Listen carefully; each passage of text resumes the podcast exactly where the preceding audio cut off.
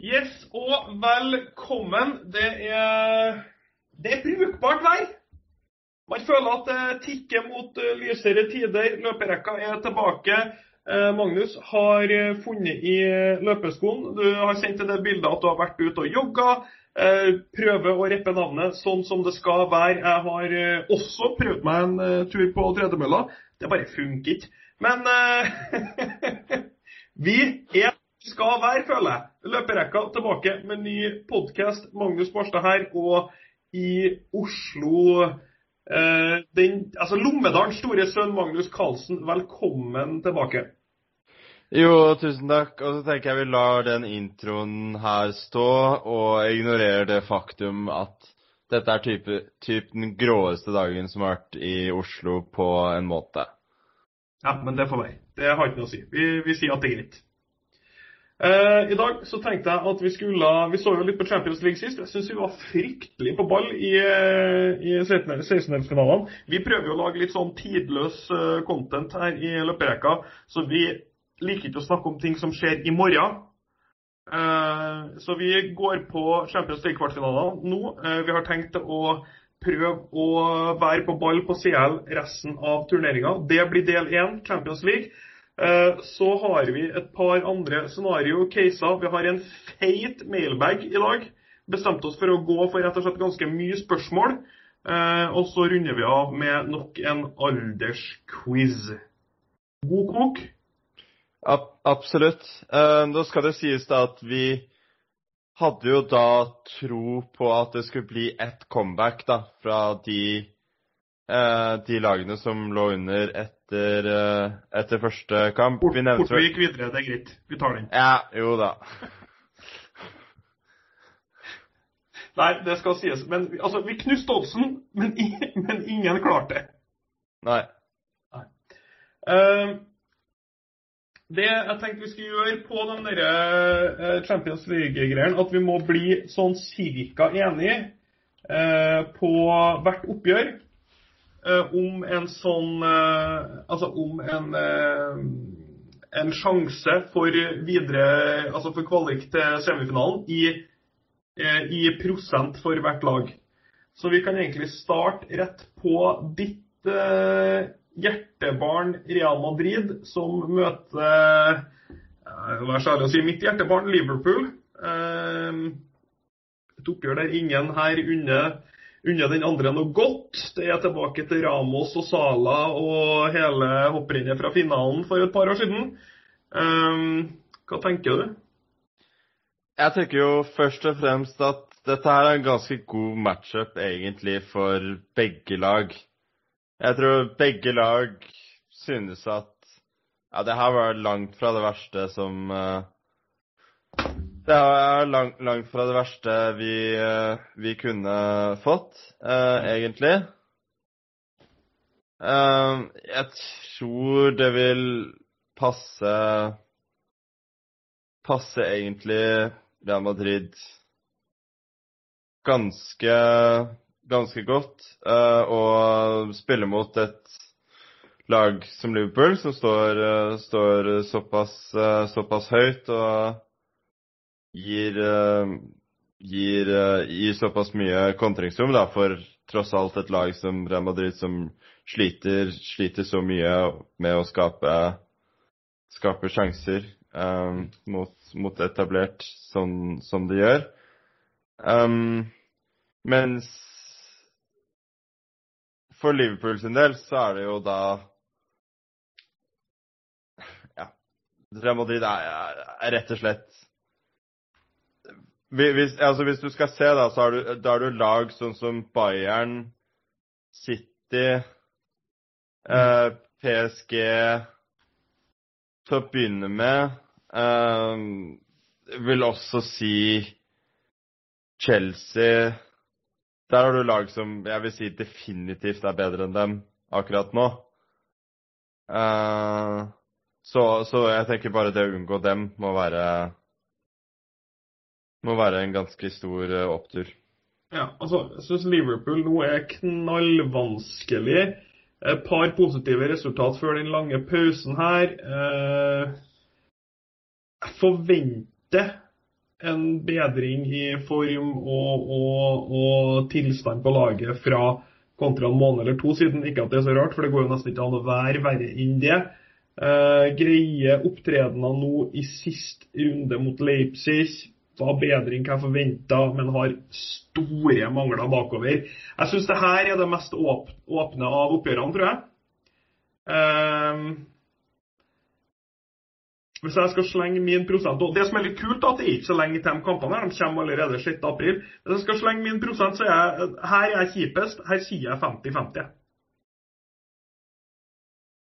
Ja.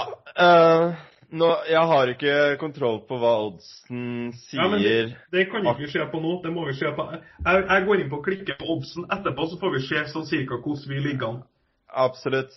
Nei, jeg, jeg, er helt enig. Det her er uh det her er dønn, åpent. Uh, to lag som jeg tror vil slite enormt um, uansett, egentlig, hvem de, mm. hvem de, eventuelt skulle møte hvis de Jo, det er vel faktisk uh, Det er faktisk kanskje trukket allerede. At uh, Jeg tror City Dortmund møter Bayern PSG, hvis jeg ikke tar helt feil. Det mener jeg òg stemmer. Nå har vi ikke merka at jeg ikke hadde forberedt meg på det, men det, det tror jeg stemmer.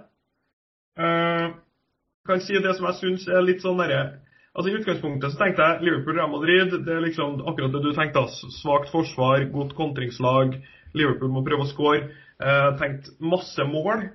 Men så har jeg litt sånn to Det er jo to av de lagene som har vært best i CL nå i en årrekke mye erfaring i stallene. Det kan bli jævla grindy òg, det der. Altså, selv om det i utgangspunktet kanskje ikke er styrken deres. Um... ja, jeg, jeg, er helt enig. Jeg, det er to mulige scenarioer her, men jeg vil helt klart tro at det, dette blir den gjerrigste mm. eh, kvartfinalen. Mm. Ah, Porto ja, OK. Porto-Chelsea. Jeg tar tilbake den. Men uh, jeg så for øvrig at det er, uh, det er City, City slash Dortmund mot Bayern PSG. Mm. Det er du, vi, er, vi, er, vi, er, på ball! Vi er på ball! Jeg, altså, jeg, har, jeg, kjenner jeg kanskje, siden Real Madrid er hjemme første, landa meg en liten edge Liverpool. Kanskje jeg ville ha gått på en 45-55, men dønn åpent er der jeg er inne. Jeg føler, jeg føler, igjen det er ikke så mye Det er ikke så mye mer, mer, mer å si. Uh, selvfølgelig en enorm fordel for Real Madrid. Fått Ramos tilbake, begynner å, begynner å se litt ut mm. som, uh, som, som, et lag. og man lener seg jo 100% på på fire-fem spillere som har en snittalder på 33 år. Uh, men ikke høyere? Den yngste er 33. Ja, altså du har vel Ramos er vel fylt 35. Modric er vel ikke Ja, han er vel fortsatt 35, tror jeg. Uh, Benzema er 33. Cross er 31. Så jeg tror jeg har mine ord i behold. Du forstår, du forstår. Du forstår. Uh, ja, nei, det er, det er, en, det er en, uh, det er en stall men erfaring. Kommer ofte godt med de kampene her. Faen, du så jo Pep i siste runde mot uh, Eller PP, jeg vet da faen hva man sier lenger. PP i siste runde mot uh, Juve. Fy faen hvor han spilte forsvar den siste kampen der. 38 år. Bare er her for store kamper. Abs absolutt. jeg har jo Altså, helt siden den den 1-0-seieren på uh, Kamp nå for, uh, for, mange år siden. Julio Baptista skårte seiersmålet, og uh, PP bare rydda alt. Alt. Alt. Altså, han, han, har den evnen. Altså, han blokkerer og header og takler og, han, altså, han er, og, og diver og roper og sutrer. Altså, han er inni hodet på samtlige motstandere på sitt beste. Og der har du jo også da Du får veldig ofte sånn med folks karriere da, at når de har holdt på lenge nok, og når de begynner å bli gamle, så begynner folk på en måte å Da begynner de å bli likt allerede. I, i, når du, når, hvis, hvis, du i hvert fall da eh, Hvis du i tillegg, da, sånn som PP spiller for et et underdog-lag, sånn som Porto tross alt er i, i, Champions League, så er det ikke noe sånn at eh, alle som Plutselig så er alle som ikke er Porto-fans, hater PP, ikke sant? Sånn som det var, uh, sånn som det var mm, før. Mm, mm. Jeg har jo alltid vært super, superfan av, av fyren, men det er, det, er, ja, det er, veldig, veldig gøy å se uh, at godt gammeldags forsvarsspill faktisk holder, holder mål ennå. Det, det, er litt, det er litt du, altså Ikke i så stor grad i fotball, men du får litt det samme i fotball som du gjør i basketball. at eh, altså, I basketball så er det sånn at sluttspillet er en helt annen idrett enn den regular season, der spillerne spiller 82 kamper og, eh, og det ikke betyr så mye. Du får litt det samme i fotball òg. Det, det kan være i en del kampbilder, altså i tette intense, lavtskårende kamper i sluttspillet, i knockout-situasjoner, så er det en annen sport inn i en vanlig ligakamp eller en gruppespillkamp. Det er en helt annen sport. Og da skinner, da skinner plutselig spillere som har erfaring og mentalitet, og, og, og som vet hva det er å gå den ekstra mila. De skinner på en helt annen måte i sånne kamper. Ja, det, det er veldig sant. Uh, det eneste jeg da vil si, er at uh, både i basket og i fotball. Noen ganger så får du Bayern-Barcelona-type uh, kamper. Ja, det, så, så, det er jo sånn noen, noen, prøver å fremstille som det er alltid alltid grinder out, uh, tøffe, tøffe, kamper. Det er ikke alltid det i sluttspillskamper heller, men generelt så er, jo, så er, jeg, er jeg enig. Og det er en grunn til at uh, Rondo, da, som har vært gigantisk minus, egentlig, i regular season nå i Så lenge man kan huske. Uh, han Ja, han uh, det, Jeg tror ikke det var uh, Jeg tror ikke Clippers Nå vet jeg ikke det, da, men jeg tviler på at de var, de, de var de eneste som var villige til å gi litt for å, for å ha ham i sluttspillet nå. det som jeg bruker å si, og noe vi kanskje kommer inn på senere òg, Big time players make big time plays. Det er i hvert fall i sports-EM det er en av mine favoritt-sayings. så enn så klisjé som det er. Uh, om dere ikke merka det, så var jo det her en fryktelig sterk overgang. Vi er jo egentlig nå i Porto-Chelsea. Eh, eh, vurderinga vår i og med at vi er inne på PP. Eh, vi går gjennom alle kampene her, og så setter vi opp prosenten vår og så sjekker vi kjapt hvordan vi ligger an i forhold til oddsen etterpå. Det er akkurat det samme som aldersquizen. Vi har integriteten på plass. Vi driver faen ikke og jukser på forhånd. Det er bare fryktelig viktig. for Det eneste vi har gjort nå, er at jeg sjekket at uh, hva som faktisk blir semifinalene. Ja, ja. Men det, det, får være greit. Ikke utslagsgivende for det her. Uh, ja, Porto-Chelsea. Uh, jeg skal jo være så ærlig å si at den Juve-Porto-kampen som gikk sist, er en av de fotballkampene jeg har nytt mest på lang, lang, lang tid. Det var rett og slett en helt Altså, den overtida og nerven og så intens som den kampen var, med ja, halv, halvskeptisk rødt kort til Juve, føltes veldig ut Altså, den, My tinfoil hat was beaming, for å si det sånn. Konspirasjonsteoretikeren i meg. Han var Nei, de skal Juventus videre. De skal Juventus videre. Erik gidder ikke, de skal Juventus videre. Og så føles det liksom som man jobber litt i motbakke. Og så tar Porto den med eh, med en spiller mindre og i overtid. med Helt sinnssyk match. Jeg antar at du var innom den, du òg? Absolutt. Uh, det er klart uh, Det er uh Ja. Jeg syns jo for så vidt Juve gjorde en, en OK kamp der. De gjorde det.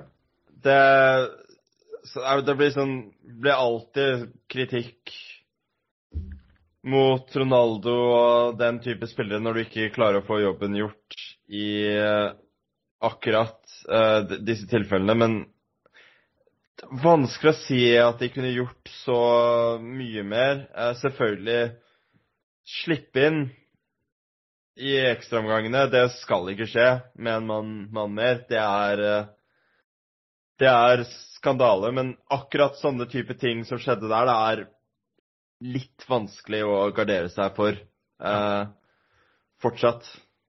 Ja, altså at muren kan hoppe. Altså det, det, er en del av fotball, men ja. det, det, jeg har lyst til å sette Det jeg har lyst til å liksom underscore med den matchen, da, det er Eh, jeg var jo ute på Twitter og meldte at jeg, jeg, av og til så gir jeg børs på kamper. Mentalt gir jeg jo børs på de fleste kampene, men altså, om det er masse fem, seks og sju utpå her, så gidder ikke jeg å bry meg noe særlig med det. Men hvis det er noen som spiller en toer eller en stolpe, eller det er noen som er på en nier, så tenker jeg ofte litt ekstra på det eh, i løpet av matchen og, og, og i ettertid. Eh, jeg har gitt ut dette her er som, uh, som damer, rett og slett. Jeg er sinnssykt streng på tieren. Jeg har gitt ut ekstremt få tiere uh, i mitt liv. Uh, Zidane, Champions League-finalen 2001-2002. I 2002 mot Leverkosen. Eksempel på en tier på børs. Uh, og dem er det ikke sinnssykt mange av. Messi mot Bayern. Men var, var Zidane så så god i den kampen, egentlig? Nå, nå syns jeg å huske at han er god, men jeg skal være så ærlig innrømme at den har jeg ikke sett på 15 år. Nei, jo, men det er det som er greia, fordi at inntrykket jeg satt igjen med den gang, var at Leverkosen egentlig var det beste laget i den kampen. Jeg, jeg, jeg, husker at det var en ganske jevn match med at Zidane var Altså at Real Madrid generelt slet, men Zidane var different class. Det var det, det siste inntrykket jeg hadde. Og så avgjør han jo det med sine goal Altså mål, målinvolveringa er jo selvfølgelig X. I en finale så er jo det enda mer utslagsgivende, spør du meg, da. På jo da, men skal du si Vil du si f.eks. at Gareth Bale var helt nei, fantastisk nei, nei, i 2018-finalen? Men nå, nå, må, nå, må, du komme deg på jobb, da. Du skjønner? Ok, kan, jeg, må faktisk, jeg kan faktisk hende, siden at du arresterer meg på noe som jeg har brukt som en referanse hele livet. Jeg så den i reprise helt seriøst, må være 15 år siden. Fortsatt tenkt at den var strålende. Har ikke skjedd noe siden det. Så hvis noen kan bifalle oss på om Zidane var strålende eller ikke, så jeg slipper å se opp den kampen en gang til for at vi skal vite fasiten her, så tar vi gjerne det. Poenget mitt forblir det samme, Magnus. Men takk for arrestasjonen. Jeg, jeg setter pris på det. Poenget ja, mitt jo, det, det, Jeg husker at jeg satt igjen med Jeg satt igjen med at liksom Oi, her Det her var heldig. Det her kunne gått begge veier. Ja, men det betyr jo ikke at ikke en spiller kan spille en tier for det? Ja, men Jo, selvfølgelig, men Nei, altså For det er poenget mitt her at Sergio Oliveira spilt en av de få tierne jeg har sett på børsen i mitt liv. Han var altså så forbanna god mot Juve. Og Juve var jo kanskje sånn altså Sjansemessig så var jo de det beste laget. Eh, og Porto taper kampen. Eh, går videre på bortemål. Men den prestasjonen Sergio Oliveira hadde i den kampen, der, det er noe av det roeste jeg har sett. Eh, nå er jo selvfølgelig de en underdog her i den, i den settingen, og spesielt med ti mann mot Juventus. Men altså, fyren hadde ikke feiltouch skårer begge kassene. Han, han, er, han er utpå og drar luka og, altså, Han dro av all gang han fikk ball. Perfekt hold-up-play, var ned og lå i ramme. Eh, hadde viktige ballvinninger, vann i lufta. Alt, absolutt alt de var involvert i offensivt. Han var totalt feilfritt. Var med, var, altså, han var, var, så jævlig god. Skaffer også frisparket som han skårer målet på med en skitete tunnel. Eh, en all world performance for meg. Og det som er litt kult med han At han er en sånn fyr som det har gått litt rykter om at er en spiller, sånn hvis du, hvis du ser litt på det. Men han har jo egentlig folk gitt opp i mente. Jeg gikk inn og sjekka karrieren hans nå. Det her er helt sykt, liksom. Jeg, jeg, jeg, jeg, gjorde det samme. Hvor gammel er han nå? 26-27? 28. Ja, 28, ja. Eh, og vi snakker kom, altså Late bloomer, selvfølgelig. Kom til Porto som 17-18-åring. Fikk ikke spill, vært på utlån i diverse divisjonsklubber i, i, Portugal. Tilbake til Porto B. Da begynner han allerede å bli 22, på utlån til nok en eh, førstedivisjonsklubb. Eh, er der i Pacos Ferreira. Til så debuterer jo egentlig for Porto i en alder av 23 Nok en runde med utlån da til Nant og til PAOK og innom Porto B allerede i 2019. Og tenk deg en alder av 28 Det her er en ganske halvslapp karriere, altså. En alder av 28 så bare er ute der og dasker egenhendig Juventus ut av en uh, Altså med, og ikke, ikke, på at den var i boksen på rett øyeblikk to ganger, altså, men på en all world performance med fotballferdighet som er liksom Det var Rick Helme-style på mye av det han gjorde utpå Synes jeg var At sånt kan skje, gir meg et håp. Det syns jeg er artig. Ja, jeg er helt enig. Og uten at vi skal beite for mye Det minner jo veldig om en annen portugiser som har litt samme type rolle. Og litt samme type karriere. Som uh, Ja, det er ganske artig at jeg dro en blank der, så jeg kunne ikke være enig med Hvem mente du? Ja, altså For sett tre år siden, da. Så det var jo ikke Jeg vil jo ikke si at en 22, 23, ah, ja, ja, ja, 24 år gammel Bruno, er var så veldig heit. Ja, ja. Helt, eh, helt enig. Men, eh, Men jeg, jeg, jeg, liker jo ikke Bruno i det hele tatt, så Bortom mot Chelsea. Hva tror vi? Chelsea er jo møkka kjedelig. Dog i veldig imponerende imponerende defensivt. Uh, ja, altså hadde, hadde, du Hadde du på en måte sett for deg akkurat hvordan du trodde de kom til å se ut under et bra scenario når, eh, da Tuchel tok over? De ser jo akkurat akkurat sånn ut. Altså mm. at de de gir jo ikke bort De gir ikke bort noe, noe. som helst. Nei. De skaper også fryktelig lite. De kommer til å prøve å slå på kontraen. og uh, har ingen, er ingen altså Porto er egentlig ganske frisk når de angriper. Det som er jævla kjipt, ja. som jeg kom på nå i bakhodet, det er at Oliveira dro på seg et gulkort på slutten av kampen og går glipp av den første matchen. Nå er det jo ingen lovnad om at han skal spille like bra, men uh, det må jo være et slag for Porto, selvfølgelig. Uh, hvis jeg skal prøve å slenge en prosent på det, dette tror jeg kan bli to ganske traurige kamper, altså. Um, 25-75. Ja, jeg, jeg, følger deg Jeg, Jeg skulle til å si det samme. Jeg følger deg helt på, på, på den. Når du har, når du har ja, et kampforløp da, som vi sannsynligvis Vi regner med mål, målfattige kamper da sier det seg selv også at tilfeldigheter kan veldig fort avgjøre det her. Absolutt. Ja, Så det øker jo selvfølgelig eh, sjansen til Porto, kan du si på papiret litt. Men samtidig, altså Chelsea er ikke world beaters ennå, dem heller. Men eh, skjer Altså, tok Kante verdens beste defensive altså Kanskje den beste jeg har sett på hver akkurat den der type midtbanespiller noensinne. Slutta å bruke ham som indreløper! Stappa han der han er best, viser seg han er dritgod. Han er helt sjukt god. Uh, ganske opplagt uh, genistrek uh, der, altså. Men med den i, i, i mind så kan vi jo gå rett videre til City mot ja, Dortmund. Kan jeg for øvrig nevne en, nevne en, annen, en annen, ting? da, at Når vi, når vi først skal gå etter uh, Nå skal ha spillebørs fra Juventus Porto. Dette har vært fra dette har jeg vært på før, men en som spilte en ganske klar ener på børsen i denne kampen her Hvem sikter jeg til? Eh. For man deler ikke ut, man deler ikke ut stolper på børsen hele tida heller. Nei, man deler jo virkelig ikke ut stolper på børsen hele tida. Nei, jeg kan, jeg kan, si så mye som at det var bortemålsregelen. Jeg hater bortemålsregelen. Jeg er enig. Jeg dro en kraftig blenk på hvem det skulle være på banen. Det var noen som var dårlig, men det var ikke helt stolpenivå, liksom. Nei.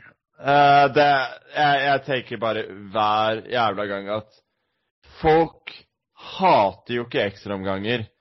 Og, og Eller altså, OK, en del som hater straffekonk, men folk hater ikke ekstraomganger. Så la oss uh, ha litt mer av det heller enn at det skal avgjøres av uh, hvem som tilfeldigvis er borte eller hjemme i kamper som ofte da spilles også andre steder enn på hjemmebane. Ikke i det tilfellet, da, men Nei, jeg kunne ikke ha vært mer enig. Uh... OK.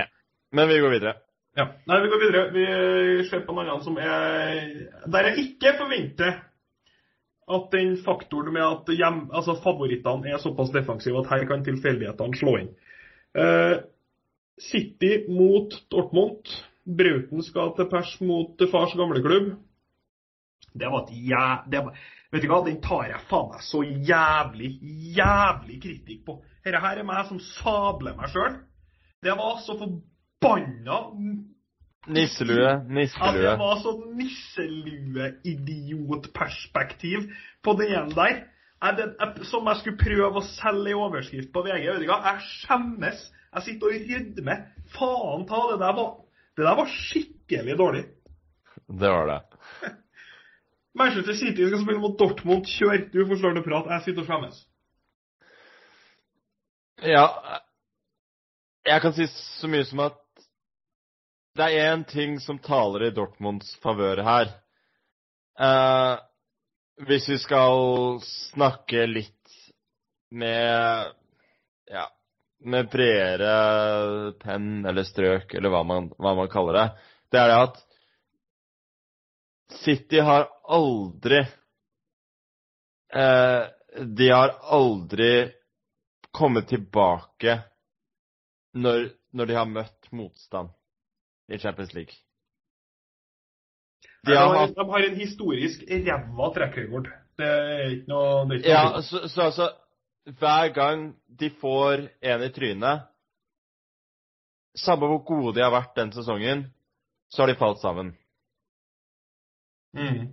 Uansett, uansett når det har skjedd. Så det får meg til å tenke da at vanligvis så vil jeg si at dette her er eh, Jeg vil si at dette er ikke en type 75-25 matchup. Det her er nærmere egentlig 85-15. Men på bakgrunn da av track recorden til, til City i, i, Champions League, hvordan de tross alt har en tendens til, til å falle sammen, så, så vil jeg gi Dortmund mer, da kanskje en 25 sjanse. Men det blir det var i fjor han skulle gå opp og finne, finne opp hjulet på nytt igjen, var ikke det? Når Pep rett og slett outpeppa seg sjøl i sluttspillet i Champions League og bare kom ut, med, altså kom ut med formasjon og taktikk som ingen i verden hadde klart å altså, Til og med motstanderne sto sånn Hva faen er han holder på med nå? Var ikke mot Leipzig i fjor, det? Jeg Nei, Lyon, altså Nei, var mot Lyon, selvfølgelig. Var mot Lyon, selvfølgelig. Ja. Sorry. Der, der har Raúl Gar... Nei, eh, hva heter det? Rudi Garcia, heter det? Ja. Står på sida og bare sto bare sånn, han sto så på assistenttrenerne og smilte og bare sånn Hva holder han på med nå? Har ikke han tenkt å vinne kampen? Og allikevel, da, så Så tapte jo City på bakgrunn av at de brant De brant enormt med sjanser i den kampen. Ja, ja. ja, ja. Men uh, fort, fort altså, Men fortsatt selvfølgelig at de, at de ga Lyon den muligheten i det hele tatt, var jo da Skulle ha vært valsing. Nei, altså, jeg, jeg, her, her, er vi faktisk litt uenige for første gang. Um,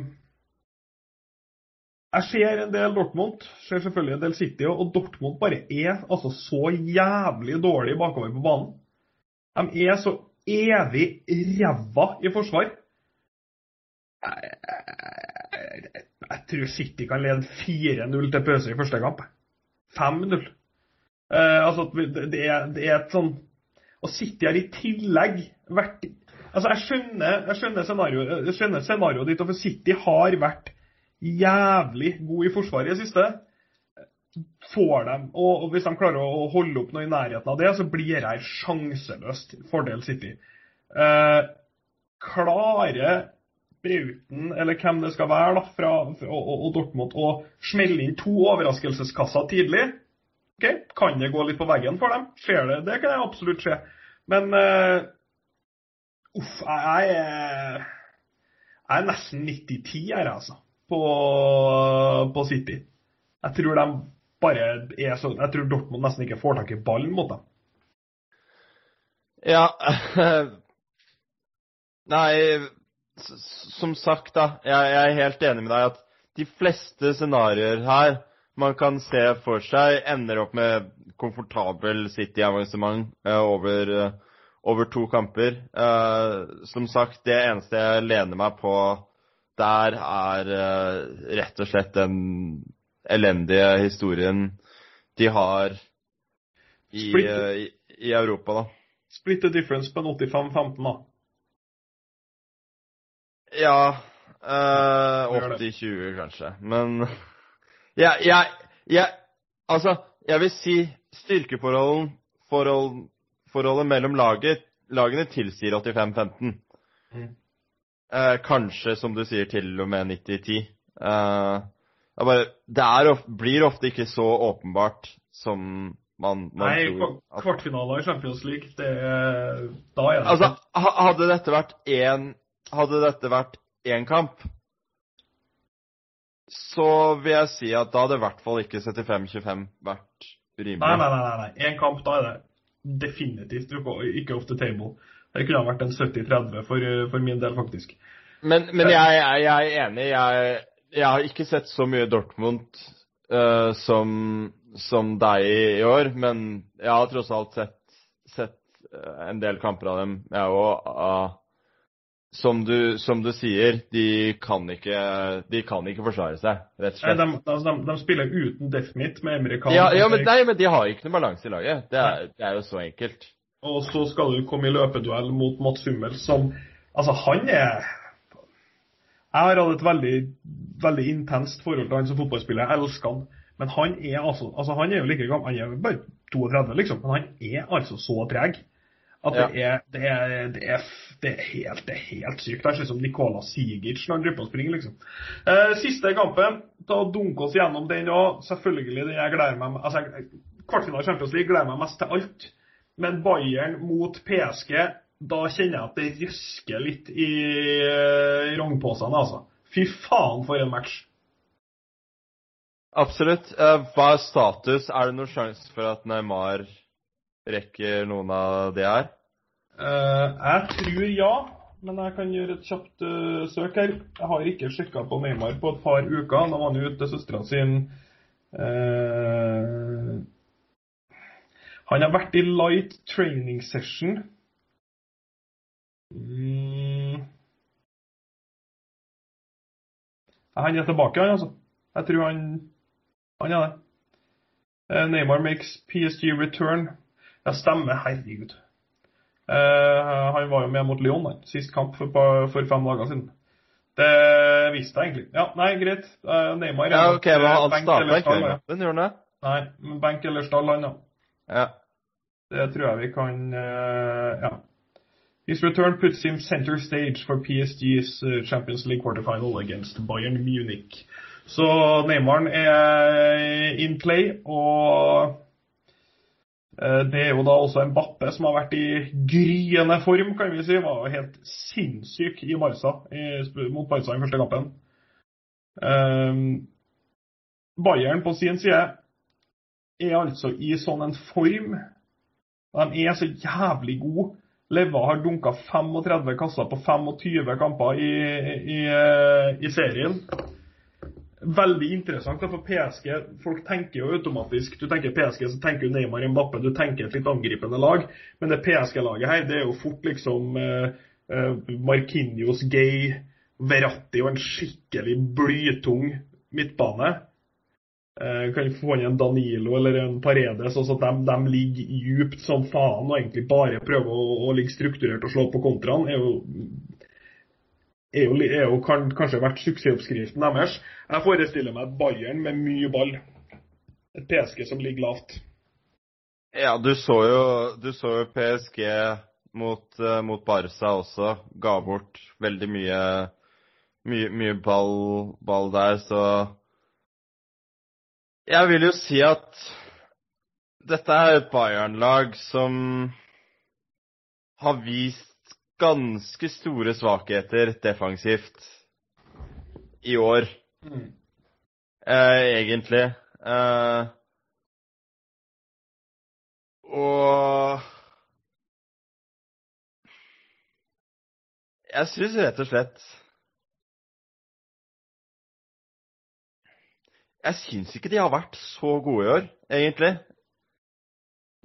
De, de, de har ikke vært på nivået som, som de var i fjor, egentlig. Jeg, jeg føler det blir, blir veldig mange sånne litt hurrakamper hvor, hvor de, de vinner da på, på faktisk på kvaliteten de har foran, foran, foran kassa. Og jeg tenker Neuer kommer til å trenge å være veldig god over to kamper eh, for, eh, for, at, eh, for, at, Bayern skal vinne det her komfortabelt, i hvert fall. Eh, jeg tror i hvert fall hvis du, hvis du tror at Bayern er store favoritter her, så tror jeg du bør tro, tro, tro om igjen. Jeg skal jeg si mitt tall? Ja, jeg, kjør. Jeg er 60-40. Uh, I favør Bayern, så jeg har ikke dem som gigantiske favoritter. Jeg har jo også selvfølgelig sett, uh, og det har jo mye med spillestilen og kvaliteten selvfølgelig framover til PSG å gjøre, uh, og at de er såpass komfortable i den spillestilen. Jeg har jo som sagt sett mye Bayern, og det du sier er jo på en måte rett. De spiller ikke like overbevisende fotball som i fjor på veldig mange måter. Men på et eller annet tidspunkt så er det ikke tilfeldig lenger at de skårer på nesten alle sjansene. Det er bare, det er altså, De er så gode. Nei, uh, nå for å ta ditt uh, Hjertebarn. Hjertebarn, da, så har jo altså Lewandowski har jo overprestert noe helt absurd. Det er ikke overprestasjon. Han er så god. Ja, OK, men hva vil du si i 2018-19-sesongen, da? Da skårte han 22 mål mot expected på 33. Var han bare så ræva? Nei, jeg har blitt sharpere og har, har, har, har, han blitt, har han blitt 19 mål bedre på, på to sesonger? Gått fra en over, overprestere Nei, altså, han har overprestert med nesten 9 fra å underprestere med, med 11. Jeg tenker bare Ja! Øyetesten sier jo at de er At de Altså Leva og Bayern generelt er De er veldig, veldig gode foran, foran mål. Jeg, jeg, bare tror at det Man kan seg, man kan også la seg lure litt av det, da. At uh, så, mye, så mye bedre uh, er det ikke til uh, Altså, jeg For min del er dette her en klink 50-50 matchup. Ok, Da ender vi 55 45, 45 Vi kan kjøre Jeg, jeg er ikke Jeg er ikke Ja, 55-45 er greit for meg. Jeg syns 60-40 er uh, for mye, rett og slett. Jeg, jeg har Jeg føler PSG, som du sier, de er godt satt opp til å slå, slå Bayern over, over to kamper. Og det er jo Uansett hva man, hva man mener, da. Så dette her er jo kronjuvelen når det kommer til, uh, til matchupsene. Det er så jævlig at kampene går samtidig at jeg, jeg klarer ikke å finne ja, ord for det. Nei. Vi går kjapt gjennom oddsen før vi tar en pause og går videre til del nummer dos. Uh, Real Liverpool. Real Madrid kommer inn på 2-10. Og Liverpool kommer inn på 1,72. Uh, Liverpool ørlitt for store favoritter i forhold til hva vi endte opp uh, på der, da. Uh, og så har vi City mot Dortmund. Der er City 1,15, og Dortmund er 5,25. Uh, der er vi vel for så vidt på ball. Ikke akkurat en kamp jeg har noen sånne store ambisjoner om å spille i oppgjøret, kjenner jeg. Eh, så har vi Porto mot Chelsea. Det ante meg at der er vi ganske på ball òg. Chelsea 1,38 og Porto 3 odds. Og så har vi Bayern mot PSG. Ja, der tror jeg var det jeg trodde. Bayern er kjempefavoritter.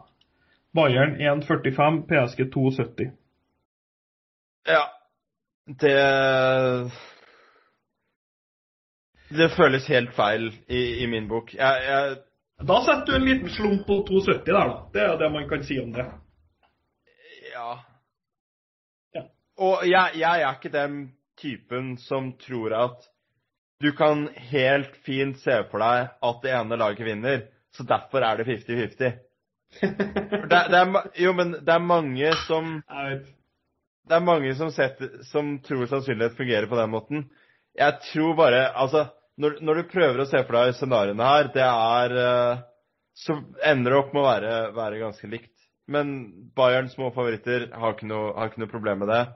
Uh, markedet tror jeg er uh, Tror jeg overvurderer dem.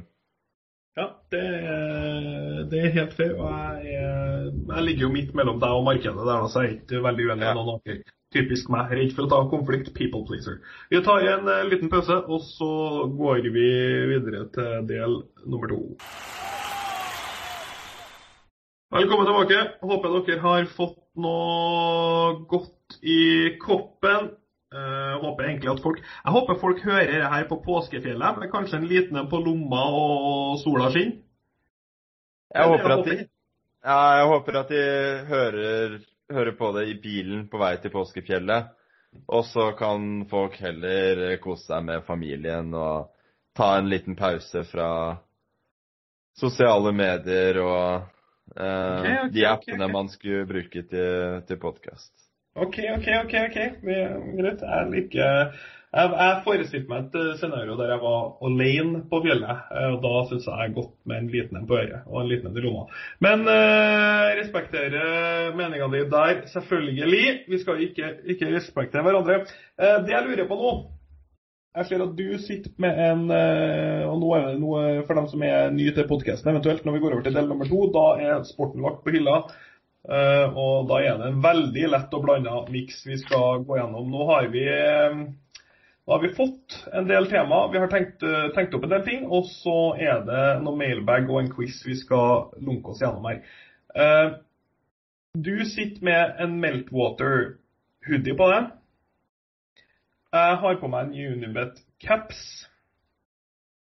Det jeg lurer på er For jeg tar jo meg Altså, jo, du har jo mye mer erfaring enn meg på området, her, men jeg fikk jo en, en, en pakke her for litt siden fra Unibet med nye klær og sånn. Det setter jeg jævla pris på. Greit, det.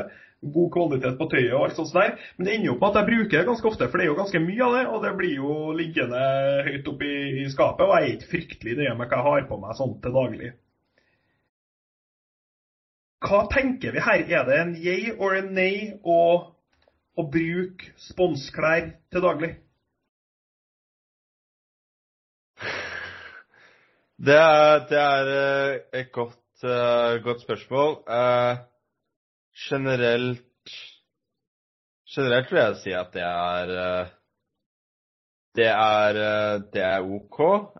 Skal kanskje gjerne være lite grann diskré. Altså, du trenger ikke å gå med, med sponsorjakke hvor du har 14 eh, forskjellige merker på. Kjøre sånn skilandslag-variant, liksom? Nei, men uh... Men du tenker, er- du tenker antallet logoer på plagget er avgjørende? Ja, egentlig. Ok, så hvis du har For utfordringa mi er at jeg har ikke sponsa så mange flere enn Unibet, så jeg kan jo ikke, ikke mikse og matche. Så jeg kan jo liksom plutselig Altså, capsen min, nei, capsen min står det Unibet på, sekken min står det Unibet på. Jeg har bukser, T-skjorter, gensere, liksom. Det kan, og, til og med munnbind kan jo det, det kan jo bli Altså, kjører du mye, så får jeg en sånn full kit wanker-vibe av det, hvis du skjønner hva jeg mener. Ja, da blir jo kanskje hemmeligheten å bare bruke ett plagg av gangen, da. Altså, her må vi lære fra de beste, de som har gjort det her. Så konklusjonen er ett plagg om gangen. Da er det helt innafor. Altså, generelle konklusjonen blir vel yay foran, foran nei, blir det ikke det? Jo. At det er, det er innafor. Men regelen Ja, er, helst ett plagg om gangen. Ja, det blir veldig sånn janteloven-preg, føler jeg, å si at du aldri kan ha sponsa, sponsa tøy. Eh, det, let them know, let them know. Jeg har ikke noen sterke følelser for det her i det hele tatt. Nei, det nei, vi må-. Vi må bare ende opp på et eller nei. Det var ikke, det var ikke mer inne. Eh, nyttårsforsett, Magnus. Vi har vært innom det før. Endte du opp med å ha et nyttårsforsett? Jeg har Eneste nyttårsforsettene jeg har hatt, eh, eller eh, når jeg har sagt noe om det, har vært eh, Det har vært ment som såkalt spøk. Ja, men det er jo jævla viktig. Altså, Nyttårsforsettet skal jo Men er, jeg, jeg bruker nyttårsforsett da, som en måte å dra spøk inn i hverdagen på. En måte å gjennomføre en årelang spøk. Det er mitt nyttårsforsett. Altså Nyttårsforsettet mitt i år eksempel, er at jeg skal være mye mer motiverende og bruke, bruke mye mer motivational quotes. Og Det er en ting jeg egentlig syns er ca. så teit som det kan være. Å la seg sjøl bli skikkelig motivert av en Ferrari med uh, 'Just put your mind to it, you can do anything you want', eller noe sånt der. Det, det syns jeg, altså, jeg, jeg, jeg synes det er kleint at jeg blir litt, jeg blir litt, jeg blir litt uh, rørt, sånn påvirka av det. Men det er da altså nyttårsforsettet mitt er jo å kjøre hardt på det. Være mer motiverende og bruke mer motivational quotes. Både i sosiale medier og i, og i eh, dagliglivet. Så nyttårsforsettet bør jo helst være en årelang spøk, syns jeg. Ja, vil dette si at du kan finne på å bruke den type språk til folk du ikke kjenner? Ja, veldig. På butikken, for Ja. eksempel? Jepp. Jepp. Jeg har, jeg har senest, uh, senest eh, i forgårs så var jeg i et eh, møte med en arkitekt som jeg aldri hadde møtt før. Og jeg, på slutten av møtet så sto jeg lent framover, skikkelig engasjert, og sa til en Husk på at det er kun du som kontrollerer din egen skjebne. Du skal ikke gjøre noe for Hvis du tenker greit, du skal være en snill fyr, men vet du hva, til syvende og sist, når du legger deg i pennalet, så er det hvor artig du har hatt det, som avgjør hvem du er. Sånne der ting. Ja, klart eh, Man har ikke mer moro enn man skaper, skaper selv. Uh, Ja, men jeg vil si at det ikke er for sent at du skaper din nå. For hvis du, altså du kan kanskje tenke på et nyttårsforsett du òg, som du kan, kan kjøre det året her. ja, jeg hadde jo Altså, det mest kjente nyttårsforsettet jeg har hatt, uh, var vel fra for 2017 at uh, jeg skrev da på Facebook at mitt nyttårsforsett for 2017 var å eh, bli bedre til eh, å ikke bli sur når jeg taper. Og hvis jeg ikke greier det, så blir jeg forbanna. Ja, men den er jo fin. Eh, det, det som irriterte meg, var at VG plukket opp den eh, fra min altså private Facebook, hvis det, hvis det går an. Og, og slo, slo opp da sånn Magnus ønsker Magnus sitt nyttårsforsett for 2017. Det er jo kjempehumor, da. Uh, ja, kanskje. Uh, det sier vel litt om alt som er, som er galt med den type clickbait eh, vi har i eh, i mediene, men det får nå det får nå være en, være en annen sak. Du Eh, du hadde jo et ganske kjent et her for litt siden òg, når du rett og slett gikk ut og sa at du skal ikke røre en dråpe med, med prosent eh, på et helt kalenderår. ja, det er sant. Den har jeg faktisk glemt. Hvor mange år siden var det? Nei, det er ikke så lenge siden. Det var hele, 2000, hele 2019. Mm. Altså fra VM-matchen, eh, slutten på den eh, i 2018, til slutten av 2019 så rørte jeg ikke en, eh, en dråpe med, med sinnabrus. Så det var, eh, Det var noe jeg gjennomførte ganske greit. Sinnabrus. Det, det finnes sykt mange bra navn. Altså, det er to ting det finnes mye bra navn på. Skjenk og puling. Absolutt. Eller å ta seg en Stille Anders. Altså, det, det, det finnes det sykt mye bra navn på. Sinnabrus er høyt oppe her. Vok, voksendrikke, voksenbrus også er en, en, av, en av mine favoritter. Det er liksom, Ja. Du lager sånne små snikete ord liksom som at det gjør det jævla mye bedre. Uh, nei, den er jo den er oppe her, men uh, OK, det er egentlig det jeg hadde lyst til å komme fram til med det her, for at jeg visste jo at du egentlig ikke hadde noe spesielt Jeg, jeg håpa egentlig at du ikke hadde noe spesielt nyttårsforsett. Jeg håper egentlig at det er stemning for at du blir med på mitt ut året. Uh, hva, hva, skal man, hva skal man si til det? Just do it. Ja! Det er kun du som setter dine egne begrensninger for deg sjøl. Ja. Ja. Ikke sant? Forbli sulten. Jeg skal, prøve, jeg skal prøve, men det kommer sannsynligvis til å bli litt halvhjerta. Er halvhjerta er bedre enn Ja, akkurat. ja, akkurat. Og jeg har bare lyst til å høre at du har vært på butikken som den kjente personen du er, og sagt til liksom, den i kassa at du liksom bare motiverte dem som faen, liksom. Bare, at du, du må bare virkelig ta tak i det du har, og bare forbedre livet ditt. Så skikkelig republikanerholdning. Det er Ja, men- det jeg vil høre.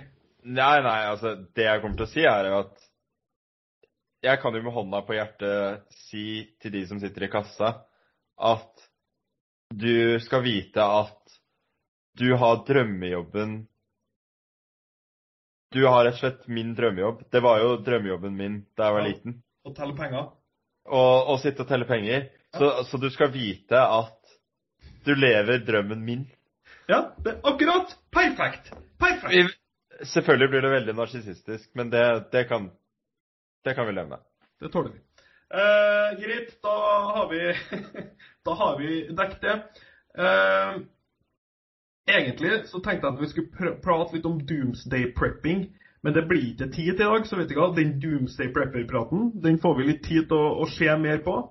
Og da kan folk, folk forberede seg på det. Det snakker vi om neste gang. Og hvis Doomsday kommer før den tid, så er det tough luck.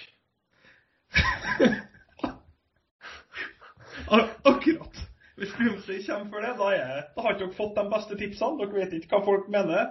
Så da Sånn, sorry, da røyk det. Jeg sitter jo ikke med kjempegode tips her, men Har du noe Har du noe motivational quotes for uh, Sett at Doomsday skulle komme om en uke. Ja, altså, det er jo enkelt.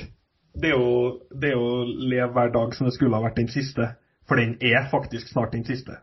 Ja. Ja, Det var lavthengende frukt. Ja, ja men altså Det er poeng, også litt poenget med sånn motivational quotes. Det skal ikke være høythengende. Nei. Nei, det er eh, eh, Vi har eh, fått eh, en bråta med spørsmål på norsk og engelsk. Veldig mange som vil at vi skal kjøre podkasten på engelsk. Men er vi her for å bli populære? Ja eller nei? Jeg vil tippe i denne konteksten, så jeg svarer nei. Bra tippa. Vi er nok Vi kjører ikke podkasten på engelsk, så vi får Vi ønsker å være en nisjepodkast, rett og slett. Ja. Og jeg snakker sinnssykt fort på trøndersk, sånn at alle svenske lyttere og, og, og danske lyttere som skriver til oss at de er ganske irritert, de, eh, de skjønner ikke veldig mye. Og det eh, It sounds like you're speaking Chinese, sier de til meg. Og det er perfekt.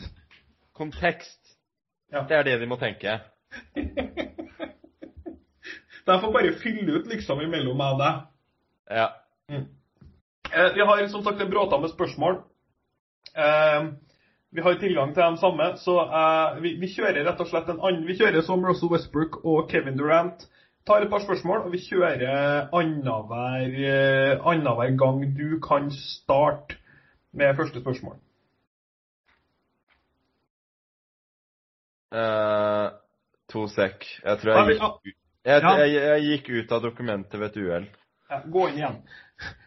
Jeg må da også si at uh, på når det gjelder spørsmålene, så har vi fått veldig mye forskjellige spørsmål som er alt fra veldig gode spørsmål, som vi egentlig kunne ha laga ikke bare en episode, men en podkastserie om. Veldig gode spørsmål. Uh, spørsmål som får oss til å tenke. Uh, og da spørsmål som er artig, og helt ned til spørsmål som er flatt ut ræva. Eh, vi har valgt å ta med alle. Eh, altså, Vi har kjørt et utvalg som representerer alt. Alt fra gode til skikkelig dårlige spørsmål. Ja. Ka- Kan jeg begynne? Ja, du starter. Ja, da begynner vi rett og slett med Bergen eller Oslo? Spørsmålet om Bergen eller Oslo. Ja, Fra- Hva ville du valgt? Jeg føler det, det passer bedre til deg enn til meg. Uh, Snikli med spørsmålet her, altså. Og det, ikke, og det står kun det, så det er ikke noe det, han, han legger Det er ikke noe dypere mening, nei. Nei, han legger ikke noe føring for hvor vi skal. Uh, jeg er uh, det er Jeg tror jeg sier Oslo kun på grunn av, mest pga. klima. Eh, jeg tror kanskje jeg liker Bergen bedre som by. Jeg er ikke så veldig begeistra for Oslo. Men jeg hater Oslo har urettferdig bra vær, så jeg kommer til å velge Oslo. Det var riktig svar. Takk. Bergensere skjønner ikke trøndersk uansett, så vi Jeg har tatt meg sjøl i å må si ting på bokmål eller engelsk til bergensere. Det er altså det som å snakke den svenske, liksom. Det er helt sjukt. Hva mener du? Altså, hvorfor, og en ting med Bergen er Hvorfor er alle sammen enten så jævlig lys stemme, eller så helvetes mørk stemme? Ja, det blir liksom to, to båser du faller i. Det er feil uttrykk. Det var, det var misbruk av Ja, men det, er, det, det var det som var bra med. Men det Du er jo litt på Paradise-kjøret nå med motivational quotes, så at, du, at uttrykkene blir feil, det er bare det, det er rett og slett plankekjøring. Eller som vi ville ha sagt, det er listekjøring. Plankeskuring. Plankeskuring, listekjøring. Altså, det er mye samme. Tømmerkjøring. Eh, jeg kommer til å gå på en av de litt mindre sterke spørsmålene til deg her nå. eh, som, som du hadde fått fra Jordan Belford Focus. En voksen kar ser ut som. At Magnus Carlsen. How old are you? Og dette er med en forståelse at vi skal gjennom alle spørsmålene. Ja. Eh, så hvilken rekkefølge det blir, er litt tilfeldig. Eh, jeg er eh, 30 år gammel. Ja. He is 30 years old. Så Der fikk han svar på det vanskelige spørsmålet. Det var et godt, godt spørsmål å sende inn. Eh, vanskelig å finne ut på en annen måte. Så bra Tenk på, tenk på alle danskene og svenskene som sitter og hører på det her og frustrerer seg over, eh, over at de ikke skjønner noen ting, og så hørte de plutselig 'He's 30 years old'. Og så nå må de Ah. spole tilbake, ja. Hvilken kont kontekst var, var det her? Hva er det du klipp av nå? Ja, ja, ja. Her, eh, her, her har vi det virkelig. Ta et uh, spørsmål til, da. Ehm, er Gjermund Aasen undervurdert morsom, spesielt når han ranter og mister det litt? Svaret er helt uten tvil ja. Vi må få med oss uh, vi må, vi må få med oss Gjermund Aasen i rett, eh, i rett lune på, på podkast en gang. Han er Altså, han er han er en ganske stillferdig type, men når han har fått noe for seg, så er han terning eh, ren terning seks. Han blir, blir så jævla oppspilt og opinionated. Det er fantastisk. Eh, Gjermund Aasen er en fryktelig fin fyr, men eh, han er veldig artig. Undervurdert morsom 100 eh, Det er da legenden Alexander Larsen som har sendt inn eh, spørsmålet. Eh, Den altså, føles litt som sånn radioprogram, men jeg føler at vi må, vi må i hvert fall gi en Alex litt, uh, litt props her. Eh, Fra Underrated Beast, Magnus. Hvem er dine favorittidrettsutøvere gjennom tidene? Skal vi prøve å begrense det til en topp tre? Topp fem? Du kan bestemme.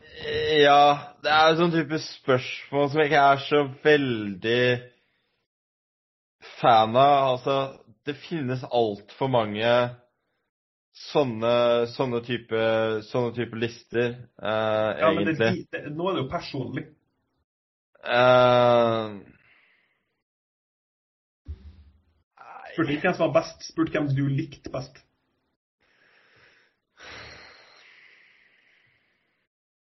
Åh, nei, jeg er, så, jeg er så lite fan Så lite fan av uh, ta, ta, dine først, da. Nei, nei, det er ikke mine. Dine. Altså, jeg nei. Det er vanskelig spørsmål, da. Ronaldinho. Ronaldinho, Hatem Benarfa og Boris Diao. Det er kanskje gjennomgangsmelodien at mange er egentlig ikke idrettsutøvere. Ja, hvor, hvor eh, er det som Charlotte Boris Diao som var feit og ga faen? Det, Nei, det, det kom comeback i Spurs Boris Diao som jeg gjorde det for meg. Fantastisk artig. Uh, nei, det var et ræva spørsmål. Jeg tar et annet etter. Jeg prøvde å problemet, på er, problemet er at jeg har ikke noe sånn veldig kultfigurer som uh, Du er svak for PP, da. Det har vi jo allerede avdekket her i dag. Absolutt. Uh, så altså Det er mange Nei, nei Nei, nei. Har du spurt Magnus 15, så har det vært mye lettere. Der har jeg svart eh, Robbie Fowler, Shaquille O'Neal og Ronaldo. Og vært ferdig med det. Men det hadde, jeg føler at jeg hadde mye mer meninger om det der, eh, om det der før. Eh, vi, vi, kan, vi kan bytte over til en som er et, et spørsmål som faktisk er ganske bra. Og som er litt vanskeligere når man ikke har tenkt mye på det, men vi prøver. Favoritt-catchphrase?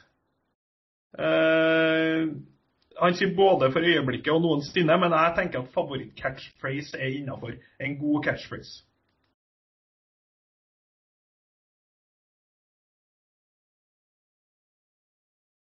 Ja, jeg husker jeg, jeg prøvde å innføre en ny catchphrase.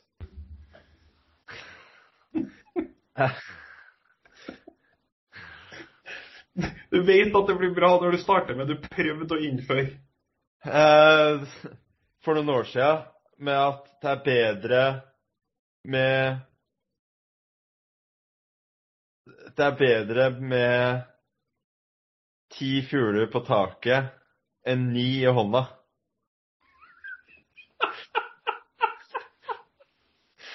Ja, og den, og den catcha ikke om? Ja, for poenget var at jeg syns at én fugl i hånda De aller fleste vil gå for de ti på taket. tross alt. Men når det, når det blir snakk om at den den ti på taket fremfor de ni i hånda, det blir sånn at du prøver alt Du er alltid på en måte sjalu på de som har mer enn deg, samme hvor mye du har, ikke sant? Er dyp. Så, så altså, selv om du har de ni i hånda, så vil du heller da trakte etter de, de ti på taket, for du blir ikke fornøyd uansett. Ja, eh, Det er en grunn til at den ikke slo an. ja, altså Den er komplisert og ikke spesielt catchy, men eh, den var dyp i hvert fall. Ja, så kanskje det går litt imot konseptet catchphrase. Det kan jeg se. Herren her velger jeg å kjøre som et ja-nei-spørsmål til. Fra Tarjei eh, Svendsen. Tror du Erling Haaland passer Real Madrid? Ikke lov noen begrunnelse, ja eller nei? Ja. OK. Han passer i alle klubber. Ja, eh, da kan vi slå opp det i VG. Magnus Carlsen eller Erling Haaland-fan, eller Erling Haaland-venn. Jeg vet ikke, det blir vanskelig med hva som overskrifta skal være. Nå er egentlig jeg som er eksperten bare Carlsen sier Haaland på vei til Madrid. Haaland i Madrid 2022. Altså, det er eh, Tarjei, det er et Det er rett og slett et dårlig spørsmål. Uh, med mindre det er bare er for å beite litt. Hvis det er for å beite, så er det et godt spørsmål. Mm. Mm. Vil du ta et siste spørsmål, eller skal vi hoppe rett over på quizen? Nei, nå skal vi rett og slett uh, Det er en som ikke har blitt nevnt på denne her podden uh, ennå. Jeg kjenner det. Ofte omtalt som en legende. Mm. Og det er Johannes Quisla, som Han ønsker egentlig at vi bare skal snakke litt om expected goals. Og det er jo en det er bare- ærlig, ærlig sagt, det er mange Ja. som, som ønsker, ønsker mer av det. Og der tror jeg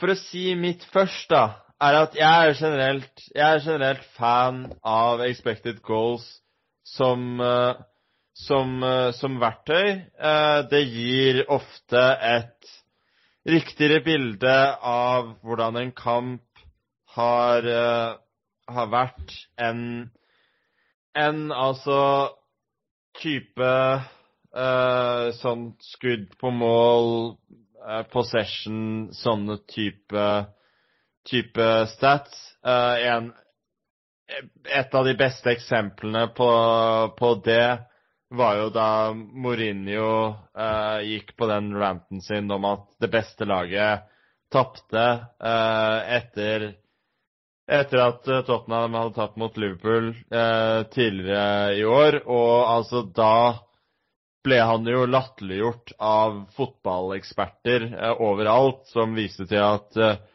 viste til at eh, Liverpool hadde 19-5 i avslutninger, eller, eller hva det var. Eh, 8-2 i avslutninger på, på mål, eh, 14-1 i cornere osv., osv., osv.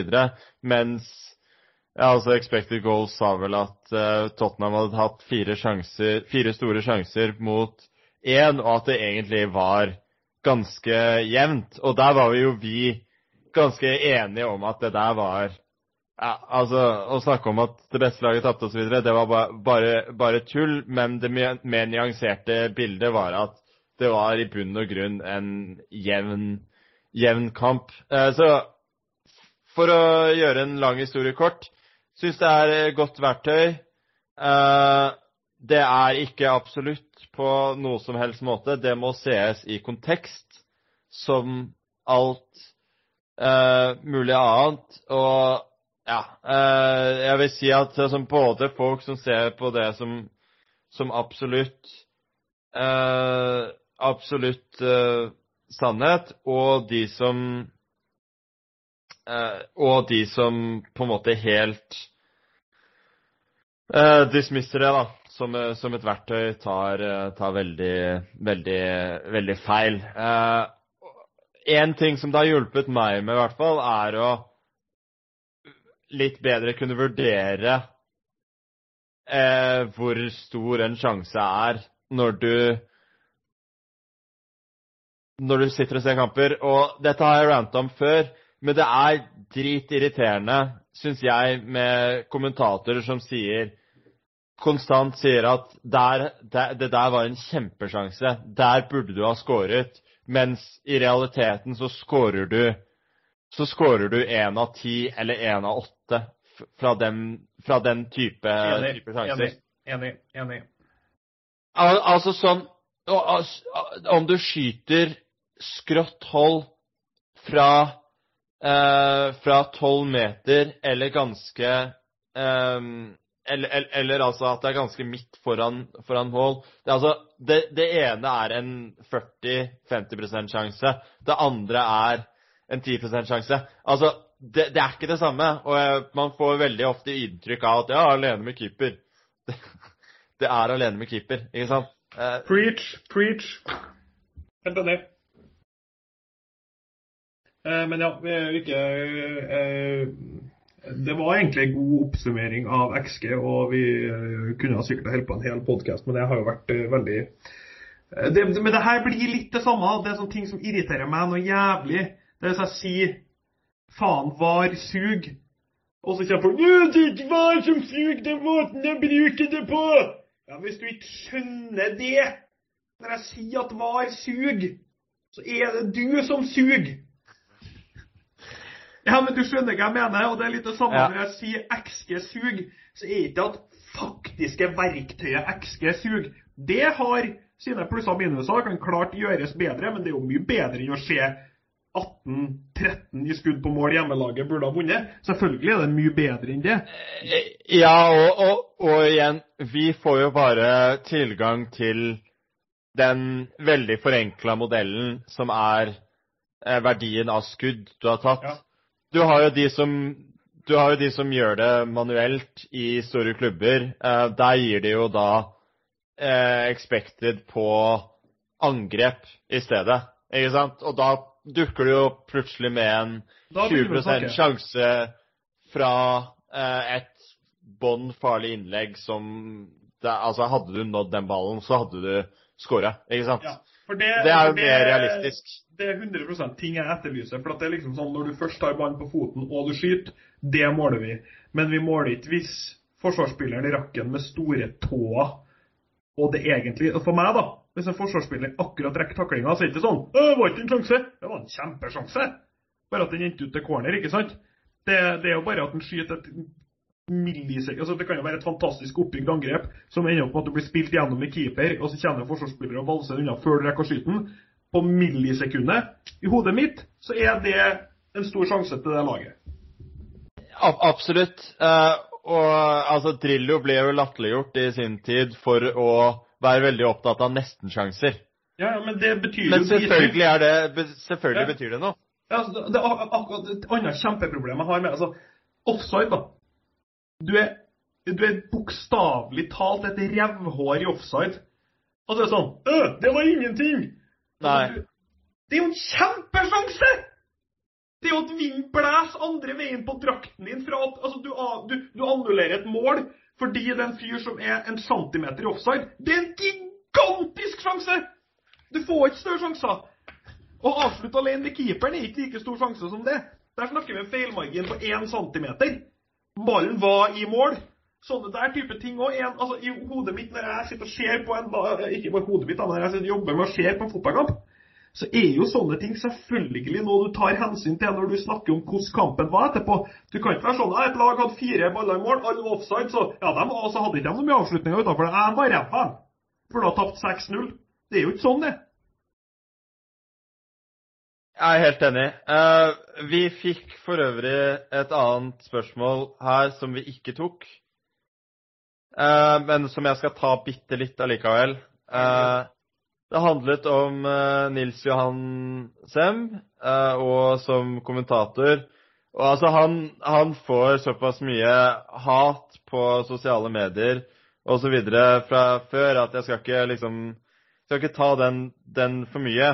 Det er bare at akkurat han hadde også hatt Han hadde kanskje spesielt han, er, han er kanskje en av de verste på akkurat det å eh, vurdere, vurdere målsjanser. Han liker veldig godt å snakke om eh, kjempesjanser. Ja. Det, det, det, det har du. Han er god på å snakke om kjempesjanser, og så har vi forgjengeren på landslaget, Drillo. Han syns alt er keepertabbe. Det, og det, det skal ikke gå an at den ballen går inn. Det syns jeg er så sjukt artig. Samme skudd fra over 15 meter skal ikke gå an at den ballen går inn. Det er en ganske artig holdning. Nei, men det, det skal også sies da, og det er veldig mange sånne kjempekamper av keepere hvor du ender opp med altså sånn Gibraltars keeper hadde jo en kjempekamp mot Norge sist. Ble skutt god, av, kan sies det. Altså, jeg vil, jeg vil si at keeper på, på Fremad, Pål Nordås han, Jeg tror han hadde, han hadde tatt, tatt alle. Ja, det, Ja, Pål Pål er en god keeper. ja, det er sikkert mye samme nivå òg. Eh, jo, men det, det, er det, det er det som er. Altså, du har mange keepere som ville tatt alle de, alle de skuddene, skuddene han tok. Det er ikke det at at det er at det er lett. Det er bare det at det er ikke så stor forskjell Nei. på hva de fleste keepere, de fleste keepere når. Altså. Da har vi kommet til den eh, Vi, vi, vi, vi, snarper sammen eh, Snarper er vel ikke snurper sammen eh, mailbagen der og, og går videre til, til, til den avsluttende altså segmentet som folk har høye forventninger rundt. Det er selvfølgelig alderskvissen. Eh, har ti personer her, kjent og mindre kjent. Eh, Magnus har imponert bra. Han var god, ganske god sist òg. der han Ja, det, var, det var litt så som så. Det, var, det ble litt for mye to og tre år. Ja, du litt hadde for noen feite. Ja.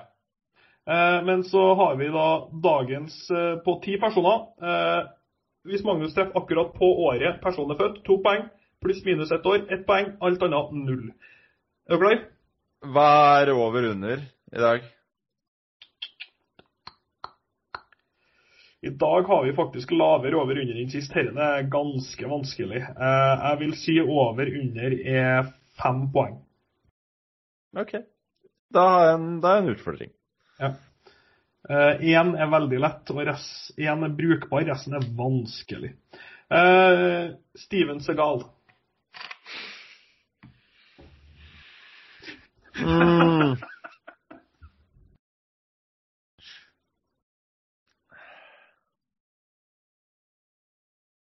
Ja Jeg mistenker at han nærmer seg 70.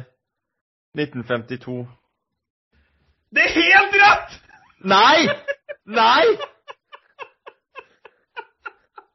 Det er helt rett! Den er syk! Den er helt syk! 1952.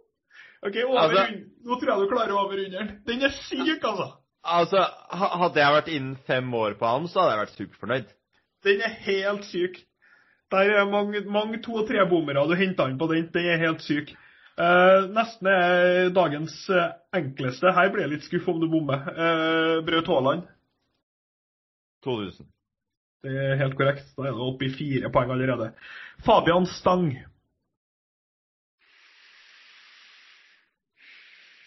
Hmm.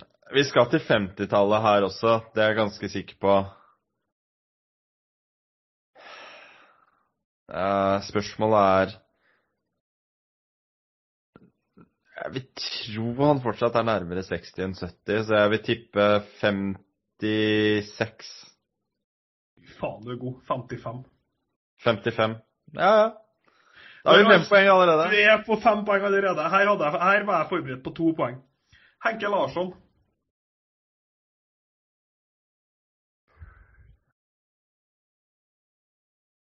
Jeg tror vi skal til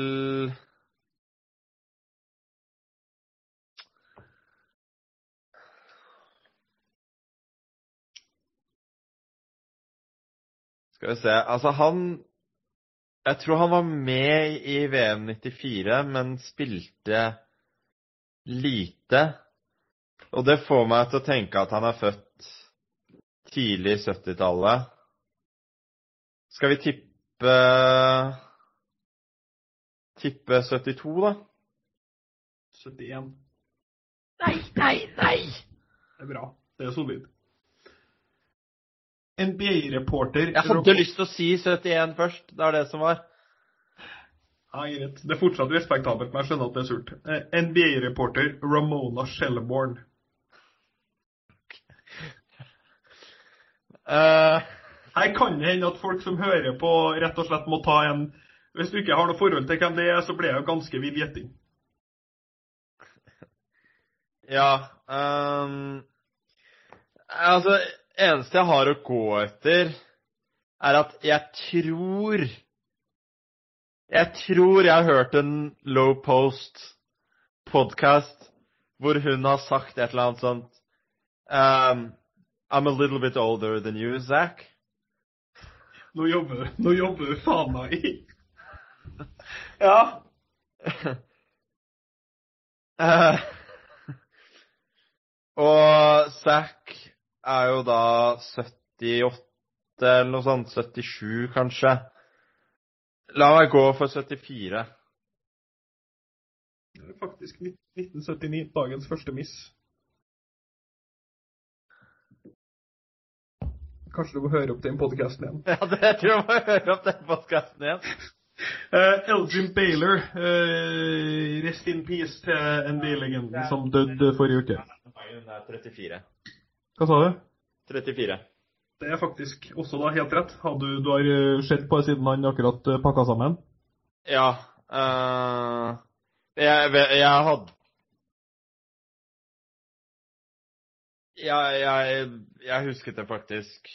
Jeg, jeg satt og så på den dokumentarserien, altså den Celtics Lakers eh, rivaleriserien som var eh, som ISBN hadde for noen år siden. Det var vel en 30 for 30. Jeg så den starten av pandemien. Greatest of rivalries, heter det? Ja. eh, og da Da sjekka jeg faktisk det, så det, det, hadde, jeg, det hadde jeg inne. Den er rå. Eh, altså sju poeng her. Du er i ferd med å gjøre din beste runde noensinne. Vi skal til en mann som er, er tidligere omtalt i podkasten. Nils Johan Semb. Ja mm. La meg se, da. Um, vi skal vel tidlig 60-tall her, tror jeg.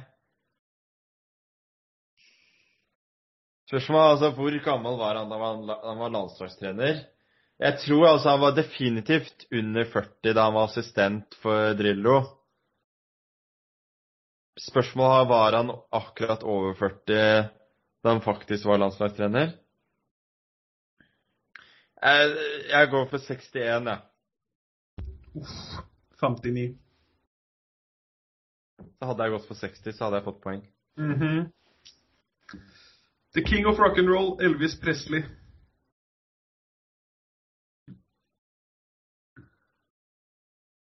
Jeg har en eller annen gut feeling på at det er 35, så jeg bare går for den. Det er helt rett. Takk. Det er fryktelig sterkt!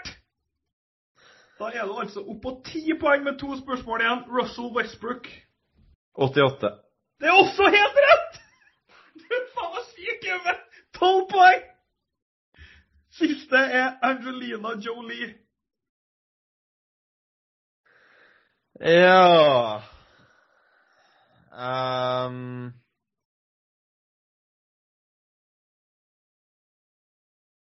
Altså, her snakker vi midt i 40-årene. Det er jeg ganske sikker på. Um,